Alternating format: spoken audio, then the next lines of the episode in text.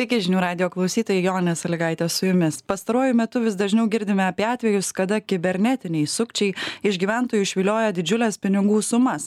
Per el paštu atsiųstas nuorodas į įrenginius taip pat įdiegiamos ir kenkėjiškos programos sužinomi slaptažodžiai. Anksčiau į sukčių akiratį dažniausiai pakliūdavo senjorai tačiau tobulinant tas sukčiavimo schemas nuo jų tapo sudėtinga apsisaugoti visiems gyventojams. Kaipgi atskirti ar atsiųstas laiškas ar žinutė yra tikra ar tai sukčiai ar išties atvejų atvejų daugėja o ką daryti jei jau paspaudėme ant neaiškios nuorodos? Daug problemų kelia ir vis tobulėjantis dirbtinis intelektas. Jav jau atsiranda atvejų kada telefoniniai sukčiai pinigus išvilioja naudodami pažįstamo asmens balsą. Ar įmanoma pasirengti tokiems sukčiavimo atvejams? Apie tai šiandien ir diskutuosime. Jūs viso pokalbio metu irgi galit jungtis prie diskusijos. Skambinkit į studiją aštuoni penki du keturi trys vienas keturi trys vienas arba savo klausimus rašykite į žinių radijo programėlę programėlė ji taip pat visos laidos metu bus įjungta. Na o aš sveikinuosi su pašnekovais policijos departamento komunikacijos skyriaus vadovu ramūnu matoniu. Sveiki. Laba diena profesorė daktarė renata danielienė. Sveiki. Sveiki. Ir esat lietuva atstovu luku apyniu sveiki luko negirdime kol kas gal E, Sveiki, sveiki. sveiki girdim dabar puikiai.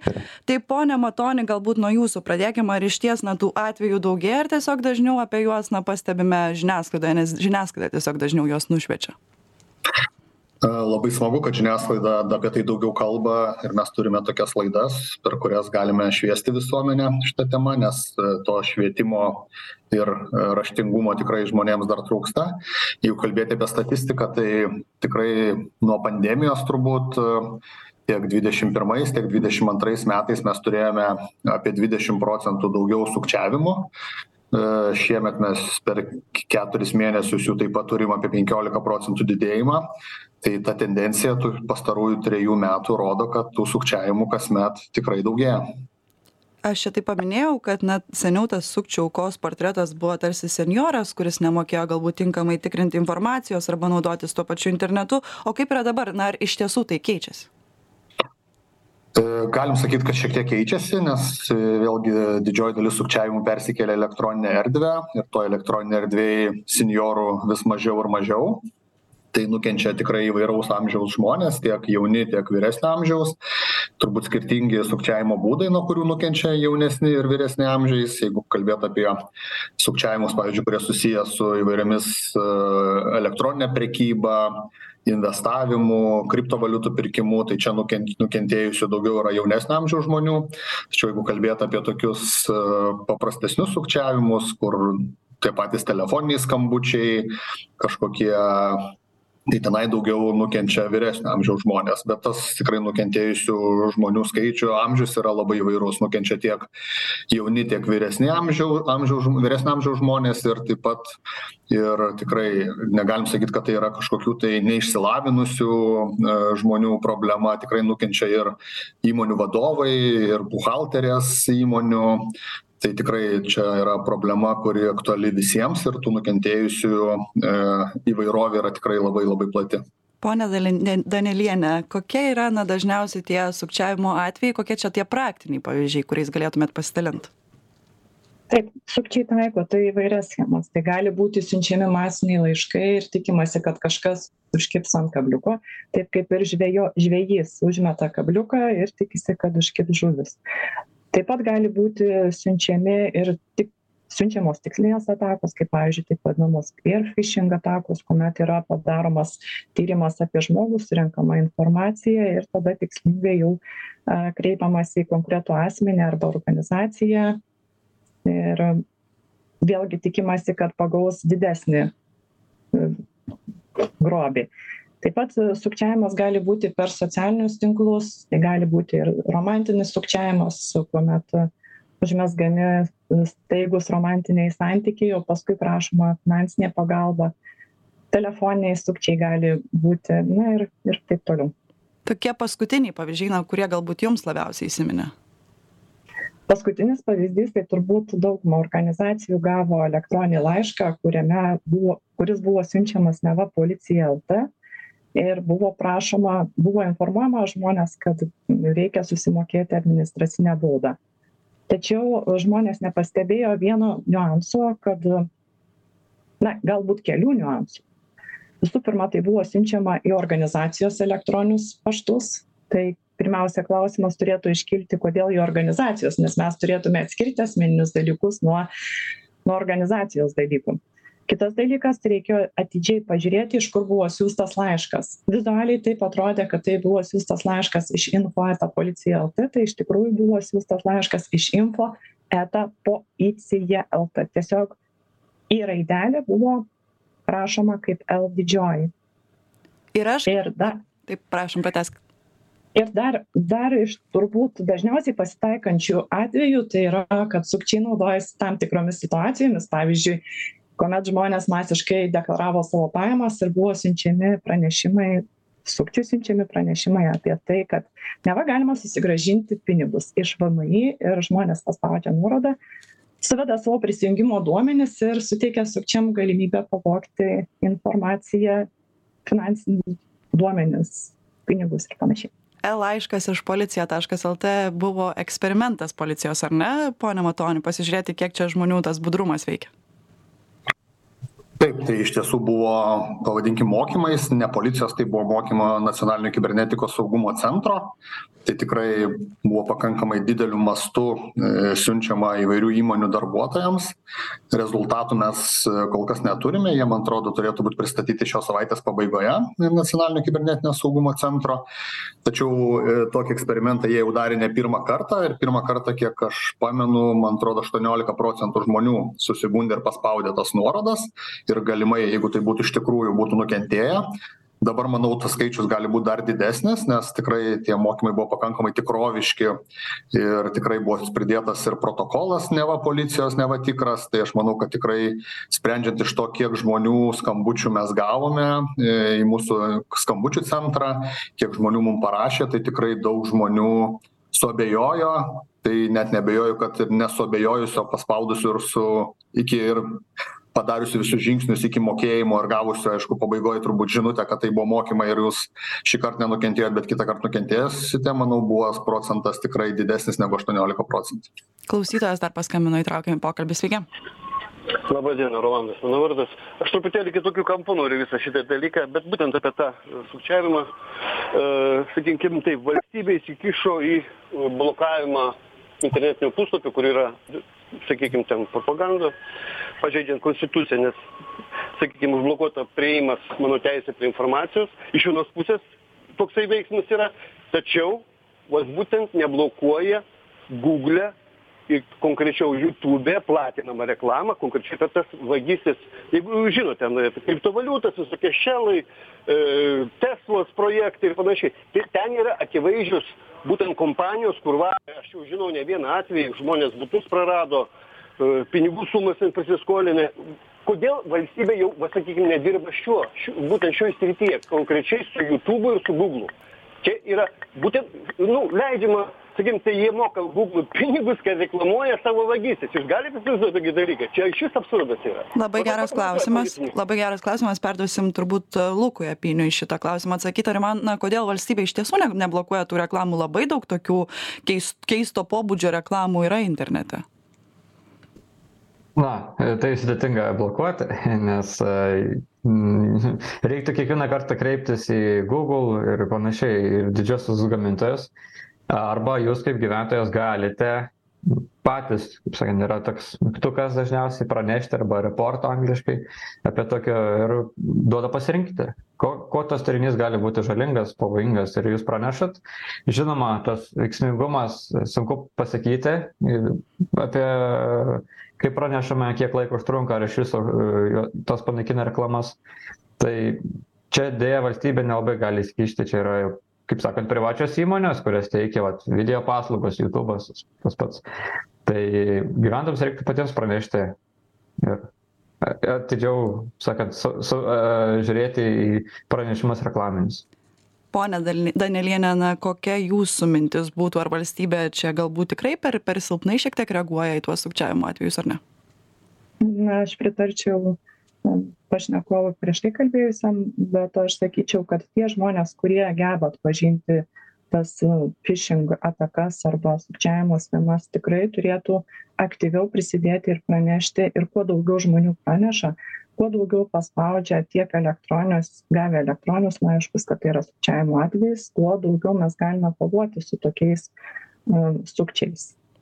Ir reikėtų tikriausiai naudoti keletą dalykų ne vien tiktai draudimus bet ir taip pat švietimas yra labai svarbus dalykas tai ir pakalbėkime apie tą na patikrinimą kaip reikia suprasti kada išties ta žinutė kurią tu gavai yra tikra o kada jau tai sukčiai. Na į kokius svarbiausius dalykus reikėtų atkreipti dėmesį pone apini su e, pradėkim nuo gyventojams. At atakų tai kaip ir minėjo renata kad mm, būtent buvo vmi netgi apsimetinėjama labai programišiai tie kaip sakant hakeriai yra gudrūs stebi e, kiekvieną sakant valstybės e, renginį galbūt ir taip pat vat, buvo deklaravimas mokesčių. Tai siuntė VMI net suklastotus laiškus ir šia, šiais metais buvo labai kūrybingi jie, siuntė QR kodą. Tai reiškia, tai bando apeiti pašto filtrus, nes pašto filtrai tikrai nuorodą. O šiuo, šiuo atveju buvo paveikslėlis, tai paveikslėlio nepatikrins filtrai ir QR kodą nuskenavus jis nukreips jų telefone kažkur tai kažkokį puslapį. Tai šiuo atveju reiktų tikrinti siuntėją va elektroniniuose laiškuose siun siuntėjas tikrinam ar nėra raidės praleistos galūnė. Ir ir čia yra svarbu. Kitas e, populiari technika mes kaip kibernetinio saugumo specialistai matome sms žinutes tai prieš gyventojus vartotojus paprastus tikrai veikia sms žinutės ypač kai apsimetinėjama bankais įvairiais. Ir ten yra sudėtinga atpažinti iš iš iš pradžių nes galima apsimetinėti e, galima suklastoti vardą. Tai reiškiasi jau tokių atvejų mes turėjom pavyzdys prie mm, nežinau ar galiu var e, banko pavadinimą kokį nors duoti pavyzdį. Galima na tai pavyzdys buvo seb apsimetinimas seb banko ir prie originalių seb banko žinučių įkrenta ir sukčių žinutė.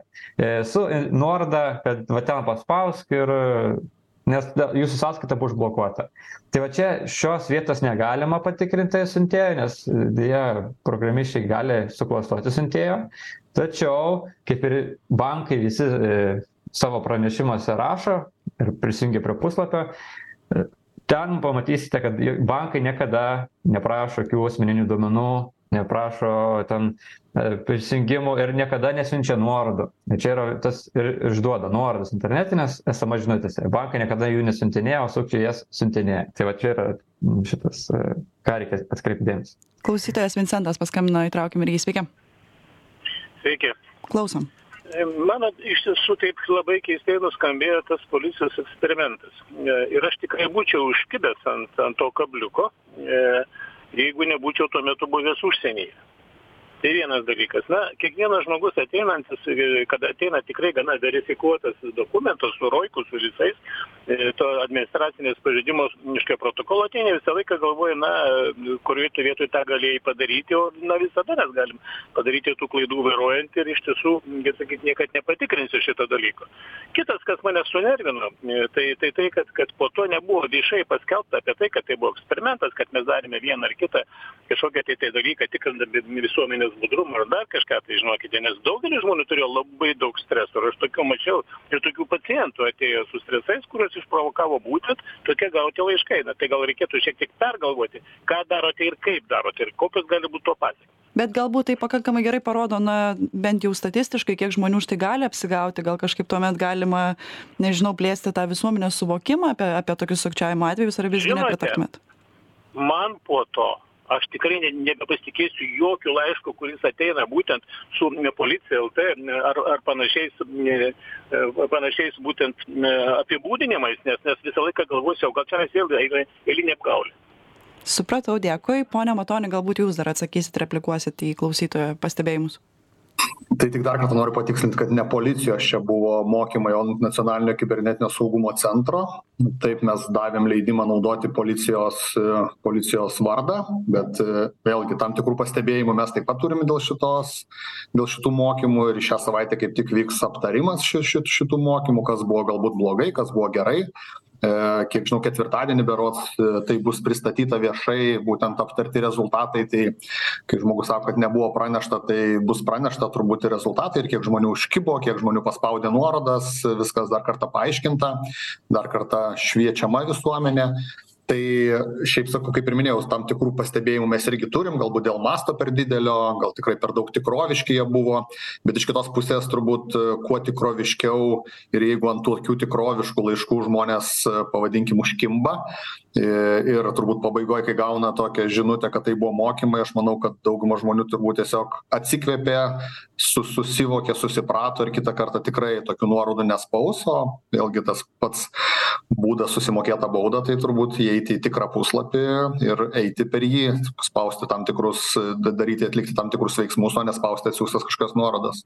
Sako klausytojas kad dabar na sumažėjęs pasitikėjimas policija bijos spausti bet kurį el paštą kurį iš policijos gaus jūs matytumėt čia problemų ar ne Šiek tiek gal sutikčiau, iš tikrųjų galbūt tam tikras reputacinis toks, tokia žala gal institucija ir galėjo būti šiek tiek padaryta, bet vėlgi tada turbūt klausimas, kur yra didesnė žala, ar ten šiek tiek, kad žmogus susinervino kažkiek dienų, ar kad jisai prarado didelės savo santaupas ir sumokėjo nemažas, atidavė sukčiams nemažas pinigų sumas, tai čia turbūt reiktų paskaičiuoti, kuris tas blogis yra mažesnis arba didesnis.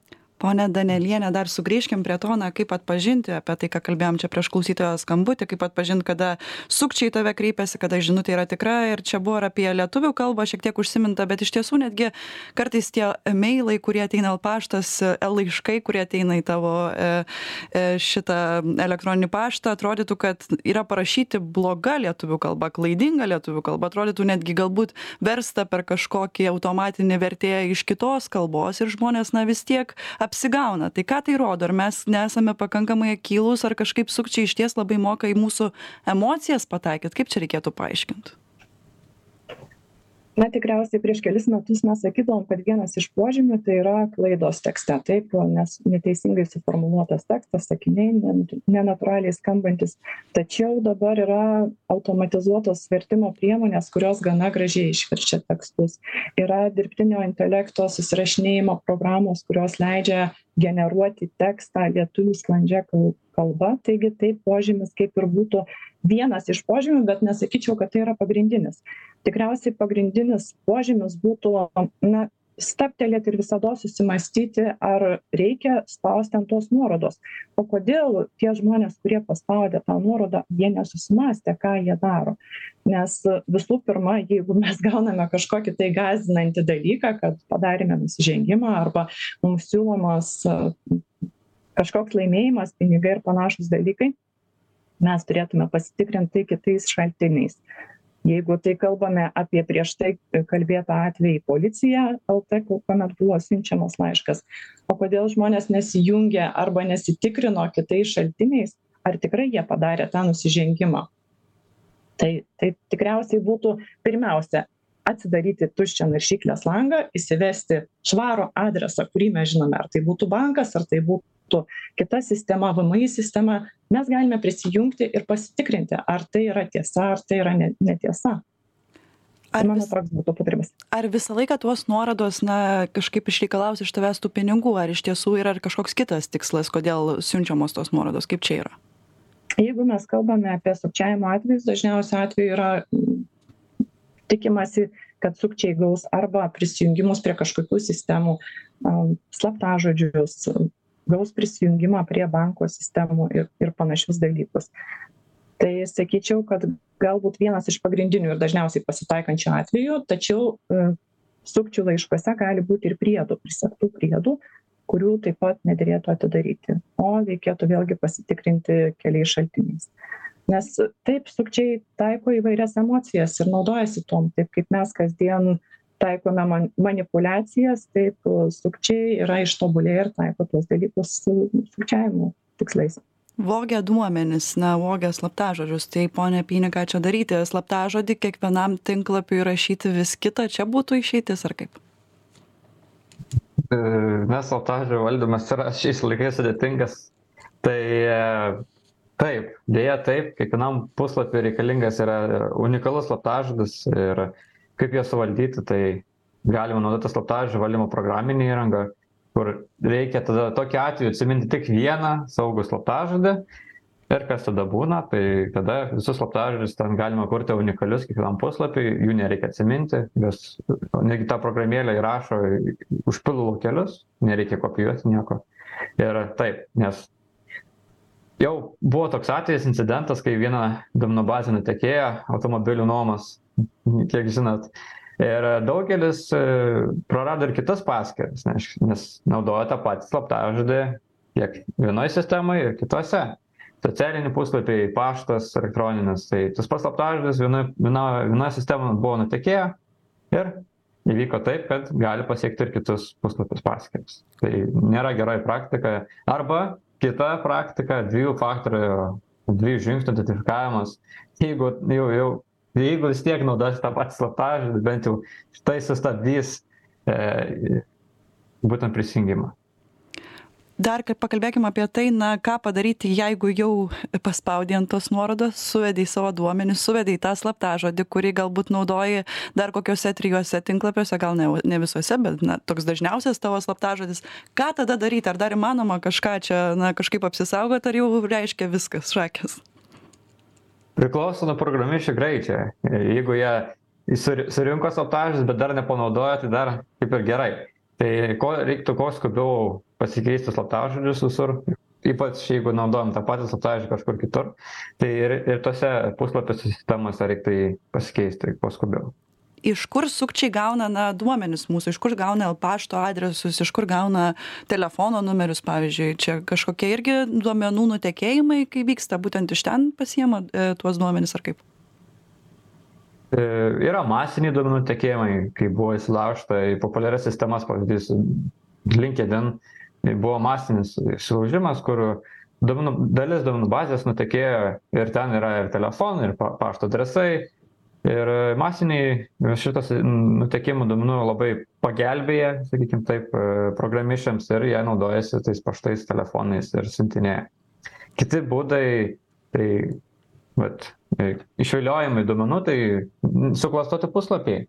E, tai irgi mes kažkokiam suklastuom puslapį įvedam savo paštą arba reklamą, pamatome kažkokį pirkinį ir ten atsivedam. Ir nu, pastebėjimas, kaip tik šiom dienom pamatėme daugiau puslapių, į kurias yra įsilaužta legalių, legalios įmonės su LT galūnė, verslas kažkoks tai pardavinėja, elektroninės parduotuvės e, yra. Ir pamatėme, kad būtent perkantis m, e, yra su, surenkami e, prisi, prisijungimai Eurobanko prisijungimai. Ką tai reiškia, tai yra kenkėjiškas kodas įterpiamas į legalų puslapį, jeigu jo niekas neprižiūri, jis turi spragų, įterpiamas kenkėjiškas kodas ir būtent kai jau krepšelis yra suformuotas, tas, tas kodas tik ten suveikia. Tai reiškia, mes perkam taip mes apsipirksim viskas prekės keliaus tačiau perkantis ir yra mūsų nuskaitomi ir duomenys kortelės ir arba kiti paštas suvedamas kai mes registruojamės arba reikia pirkti. Tai šitoj vietoj irgi reikia prižiūrėti savo elektronines parduotuves ir kad klientų duomenų nesurinktų kas nors nepavogtų. Pertrauką padarom tuoj pratęsim. Mhm grįžtame į eterį ir tęsiam laidą. Pastaruoju metu vis dažniau girdim apie atvejus kada kibernetiniai sukčiai iš gyventojų išvilioja didžiules pinigų sumas vogia slaptažodžius anksčiau į sukčių akiratį. Dažniausiai pakliūdavo senjorai tačiau tobulinant sukčiavimo schemas nuo jų tapo sudėtinga apsisaugoti visiems. Kaipgi atskirti ar atsiųstas laiškas ar žinutė yra tikra ar tai sukčiai ar išties tokių atvejų daugėja o ką daryti jei jau paspaudėme ant kažkokios neaiškios nuorodos. Apie visa tai šiandien ir diskutuojam. Jei turite klausimų ir jūs pašnekovams skambinkit skambinkit aštuoni penki du keturi trys vienas keturi trys vienas. Mes tęsiam pokalbį su policijos departamento komunikacijos skyriaus vadovu ramūnu matoniu profesore daktare renata danieliene ir esat lietuva atstovu luku apiniu ir dar žiūriu ką jūs gi rašote į žinių radijo programėlę. Štai klausytojas sako ačiū dievui kad pagaliau pradėjo dirbti institucijos. Nepritariu klausytojui kad sumažės reputacija policijos po atlikto eksperimento patikrinant e, kiek čia žmonių gali apsigauti su tais sukčiais. E, kiek žmonių nukenčia taip ir toliau. Na o virginija klausia kur reikia parašyti pareiškimą kaip sukčiauta investavimo srityje užsienio šalyse ir ar interpolas lietuvos daro tyrimus išsiaiškinti kur keliauja pinigai. Pone matoni gal jūs galit atsakyt na nusikal nusikalstamos veikos yra tiriamos pagal jų padarymo vietovę tai iš esmės jeigu žmogus nukentėjo kažkur tai užsieny tai jisai turi kreiptis į tos šalies teisėsaugą jeigu jis nukentėjo lietuvoje jisai turi kreiptis į lietuvos teisėsaugą. Įvairių sukčiavimų tarptautinių e, tyrimų su susijusių su tarptautiniais sukčiavimais tikrai vyksta. Tai tai nes sukčiavimai jau seniai yra peržengę vienos šalies ribas ir tikrai labai daug sukčiavimų vyksta iš vienos šalies kuomet sukčiai yra vienoje šalyje o sukčiausių aukos yra iš kitų šalių net ne iš vienos iš kelių šalių tai tai jau yra įprasta tas tarptautin tarptautinis tarptautiškumas jau seniai yra sukčiams įprastas ir tų tyrimų tikrai yra. Ar pagauti tuos sukčius na įmanoma ar visgi tai yra labai labai sudėtingas darbas nieko nėra neįmanomo ir tikrai sėkmingų tyrimų yra. Turbūt vienas iš tokių paskutiniųjų. Prieš porą metų buvo kai buvo rygoje su nustatytas visas skambučių centras sulaikyta kelios dešimtys asmenų kurie buvo įkūrę skambučių centrą ir skambino įvairiems žmonėms į įvairias šalis kalbančią daugiau rusakalbes nes rusų kalba viskas vyko. Tai tų tyrimų tikrai yra bet vėlgi kas yra sudėtinga kai sukčiai veikia iš trečiųjų ne europos sąjungos šalių kuomet su su tom šalim tas bendradarbiavimas yra daug sudėtingesnis su kai kuriomis šalimis lietuva net neturi teisinės pagalbos sutarčių ir į tuos pačius teisėsaugos prašymus reaguojama pakankamai vangiai. Tai tokie tyrimai tikrai yra pakankamai sudėtingi ir dažniausiai nerezultatyvūs. Tačiau jeigu sukčiavimai vyksta europos sąjungos šalyse tai tikrai mechanizmai yra visi jau jau sudėlioti ir tas bendradarbiavimas teisėsaugos tarp įvairių europos sąjungos šalių tikrai veikia pakankamai sklandžiai informacijos keitimasis irgi yra pakankamai operatyvus ir tikrai tikrai pakankamai greitai galima nustatyti ir išsiaiškinti tam tam tikrus sukčiavimo būdus ir formas. Ar galima pastebėti kas dažniau sukčiauja prieš lietuvius patys lietuviai ar mes dažniau susiduriam visgi su užsienio šalių sukčiais gal taip pasakyčiau pusė per pusę penkiasdešim turbūt procentų yra tų pačių lietuvoje esančių sukčiautojų. Nemaža dalis jų tai yra sukčiautojai iš įkalinimo įstaigų kur deja dar nėra užkardytas jiems įvairių mobilių įrenginių turėjimas. Tačiau jeigu mes kalbam apie vat galbūt pas pastaruosius sukčiavimus kai yra siunčiamos įvairios nuorodos sms žinutės tai čia mes jau bent jau tyrimai veda į kitas užsienio šalis. Kiek laiko toks tyrimas na dažniausiai užtrunka kiek čia laiko reikia kad kad ištirtų tokį atvejį? Labai sudėtinga pasakyt nes kiekvienas tyrimas yra individualus unikalus ir ir ir ir skirtingas. Daugiau teisėsauga vėlgi orientuojasi į tų schemų nustatymą į tų grupuočių nustatymą ir užkardymą nes tuomet ir matome kad nustačius ir išardžius tam tikrą grupuotę tikrai tam tikra sukčiavimų sukčiavimų būdų tam tikras sukčiavimai tam tikri sukčiavimai tiesiog pasibaigia bet vėlgi čia turbūt kaip drakonas nukirtus vieną galvą užauga dvi arba trys ir tų sukčiavimo grupuočių atsiranda labai daug nes vėlgi tos pačios organizuotos nusikalstamos grupuotės kurios prieš penkiolika dvidešim metų galbūt orientavosi į į sunkių nusikaltimų darymą į smurtinių nusikaltimų darymą dabar pakeitė savo veikimo formą ir tur ir tas jų mechanizmas yra dabar daugiau toksai orientuotas ne į smurtinius nusikaltimus o intelektinius nusikaltimus į jeigu pradedant ta pačia narkotinių medžiagų prekyba ir baigiant tais pačiais sukčiavimais kur tikrai nereikia daryti kažkokių labai baisių dalykų kas labai šokiruoja visuomenę kai galima tiesiog pasisamdyti kelis it išmanančius žmones ir sėdint prie kompiuterio gauti tam to tokias pačias vėlgi lė lėšas pinigų ką ir ką ir darant smurtinius nusikaltimus. Tai tikrai nemaža ta dalis tų grupuočių tikrai orientuojasi ir į sukčiavimus vilties na atgauti tuos pinigus tuos tūkstančius eurų apie kuriuos mes čia skaitom dažnai ir spaudoje yra tiems žmonėms na kurie susidūrė su sukčiais ar sudėtinga ir vėlgi? Na kiek aš mačiau viešoj erdvėj ir bankai skelbia praėjusių metų rezultatus tai tam tikrą sumą pinigų pavyko sugrąžint žmonėm ir sustabdyti. Labai svarbu žmogui greitai pastebėti tam tikrą pinigų nutekėjimą pavadinkim ir informuoti savo banką kad tai dar galima būtų sustabdyti nes ne visi pavedimai padaromi tą pačią sekundę ypač į kitas užsienio trečiąsias europos ne europos sąjungos šalis. Tai tam tikrą sustabdymą galima tikrai padaryti. Taip pat bankai kiekvienais metais įdiegia vis daugiau įvairių algoritmų kurie automatiškai pavadinkim dirbtinis intelektas sustabdo tam tikrus sukčiavimus jeigu vyksta tam tikri dalykai pavyzdžiui didelių sumų nu greitas pervedimas per per trumpą laiką į kažkokias užsienio šalis tai vėlgi pagal algoritmą kažkur tai užsidega tam tikra raudona lemputė ir bankai tikrai gali sustabdyti ir tiesiog pa paklausti žmogaus ar tikrai čia tu darai tuos pavedimus.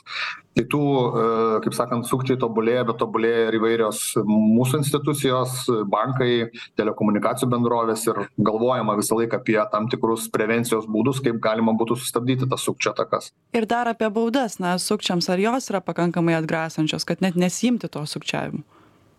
Na už sukčiavimą pas mus baudžiamajame kodekse yra numatyta atsakomybė baudžiamoji atsakomybė su laisvės atėmimu iki dviejų trijų arba net ketverių metų maksimali ta ta bausmė yra. Tai bausmės pakankamai griežtos ir ir tikrai jeigu yra nustatoma kažkokia grupė asmenų organizuota grupė kuri veikia tai tikrai tas laisvės atėmimo bausmės yra pakankamai griežtos ponia danieliene mes čia pakalbėjom apie na tai kad bankai tarsi vis dažniau imasi griežtesnių tų saugumo priemonių gal ir nežinau telefonų kompiuterių operacinės sistemos kažkaip irgi čia tobulėja tuo sukčiavimo klausimu ar ne? Na čia kaip visados yra katės ir pelės žaidimas. Jeigu operacinių sistemų kūrėjai arba programų kūrėjai randa būdų kaip apsisaugoti tai sukčiai randa būdų kaip dar surasti įvairiausių pažeidžiamumų.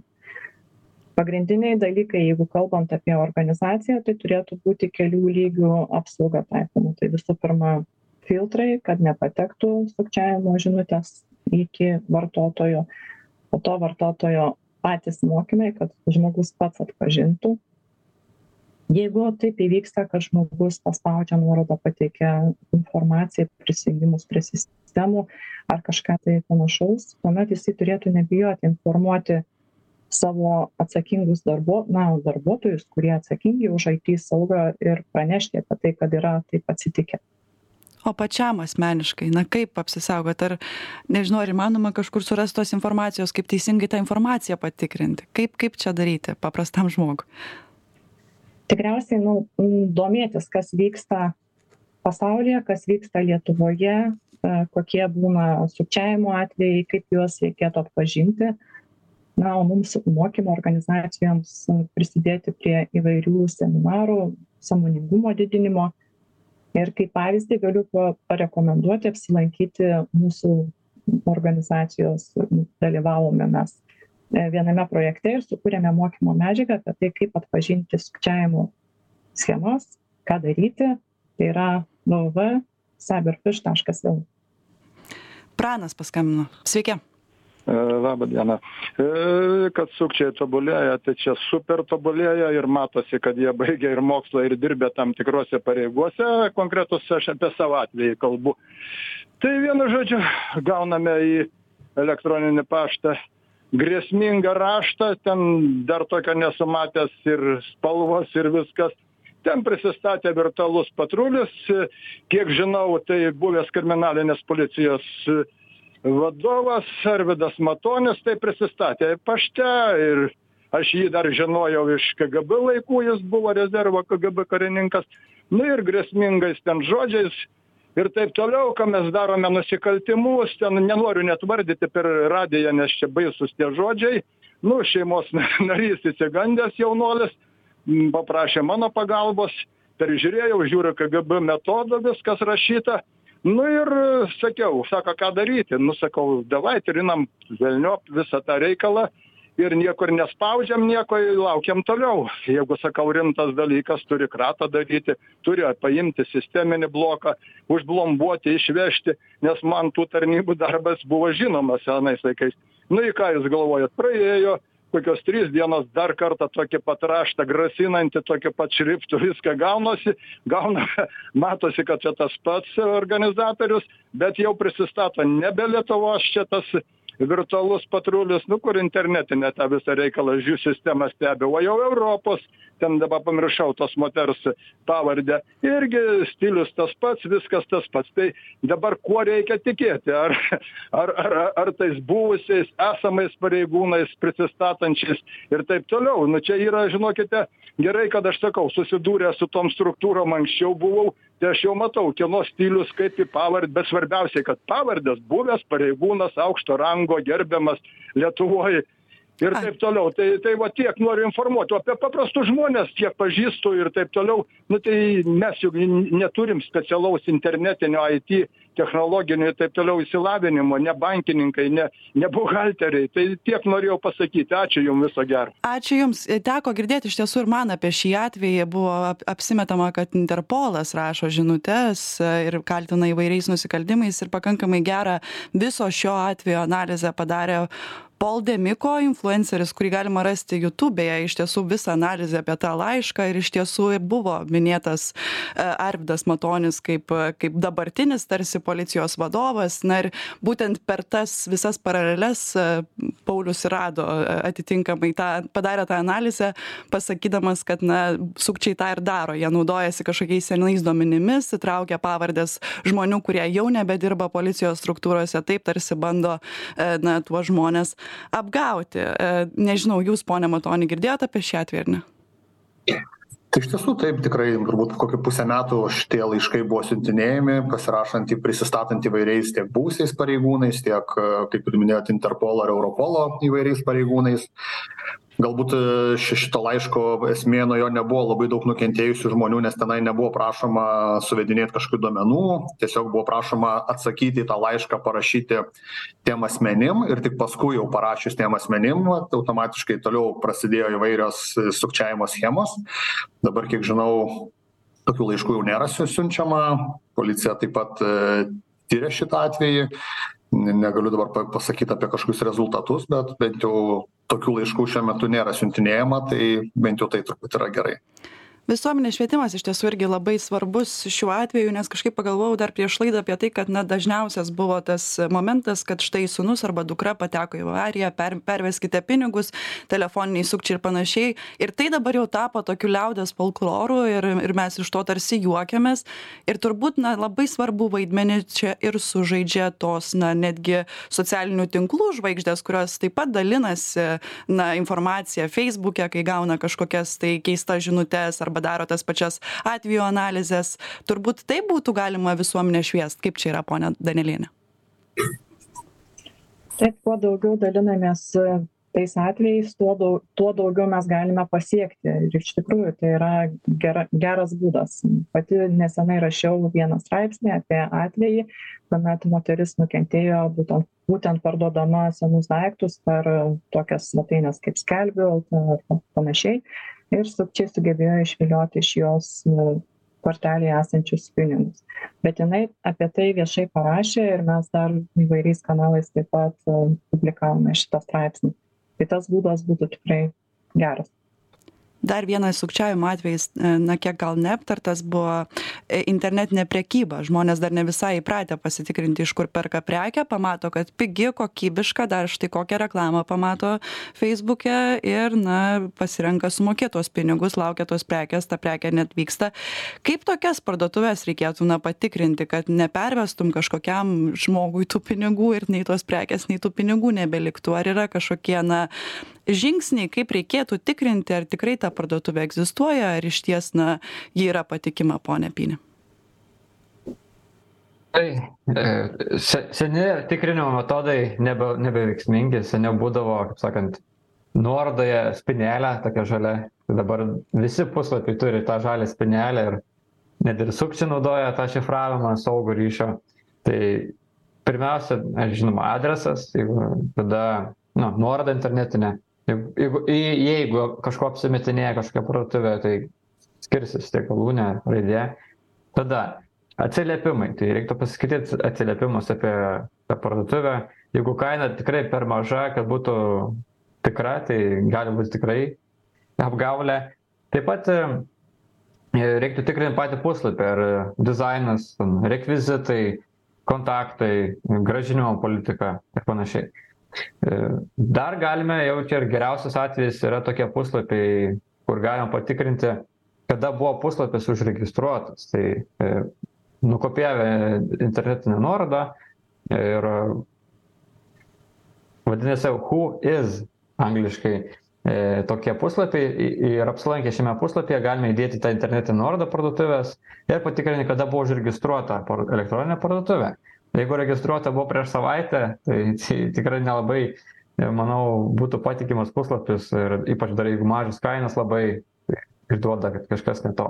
Tai nesu ne nerekomenduočiau tikrai apsipirkti. Tai būtų tokie pagrindiniai manau na ir pačiai pabaigai diskusijos dar pažvelkime į ateitį. Dirbtinis intelektas nuolat tobulėja jis irgi vis dažniau tampa tuo sukčiavimo įrankiu nes gali štai ir balsą iš įvairių balso įrašų atitinkamo žmogaus išgauti. Lietuviai čia šioje srityje ir pralaimi ir laimi nes būtent dėl to sudėtinga lietuvių kalbą dar padaryti tokią kad na tas balso įrašas atrodytų patikimai bet gali dirbtinis intelektas ir sukčiavimo schemas padėti paruošti e, įtikinamas žinutes parašyti kiek jūs matot čia pavojų ypač artimiausiais metais tame pereinamame laikotarpyje ponia danieliene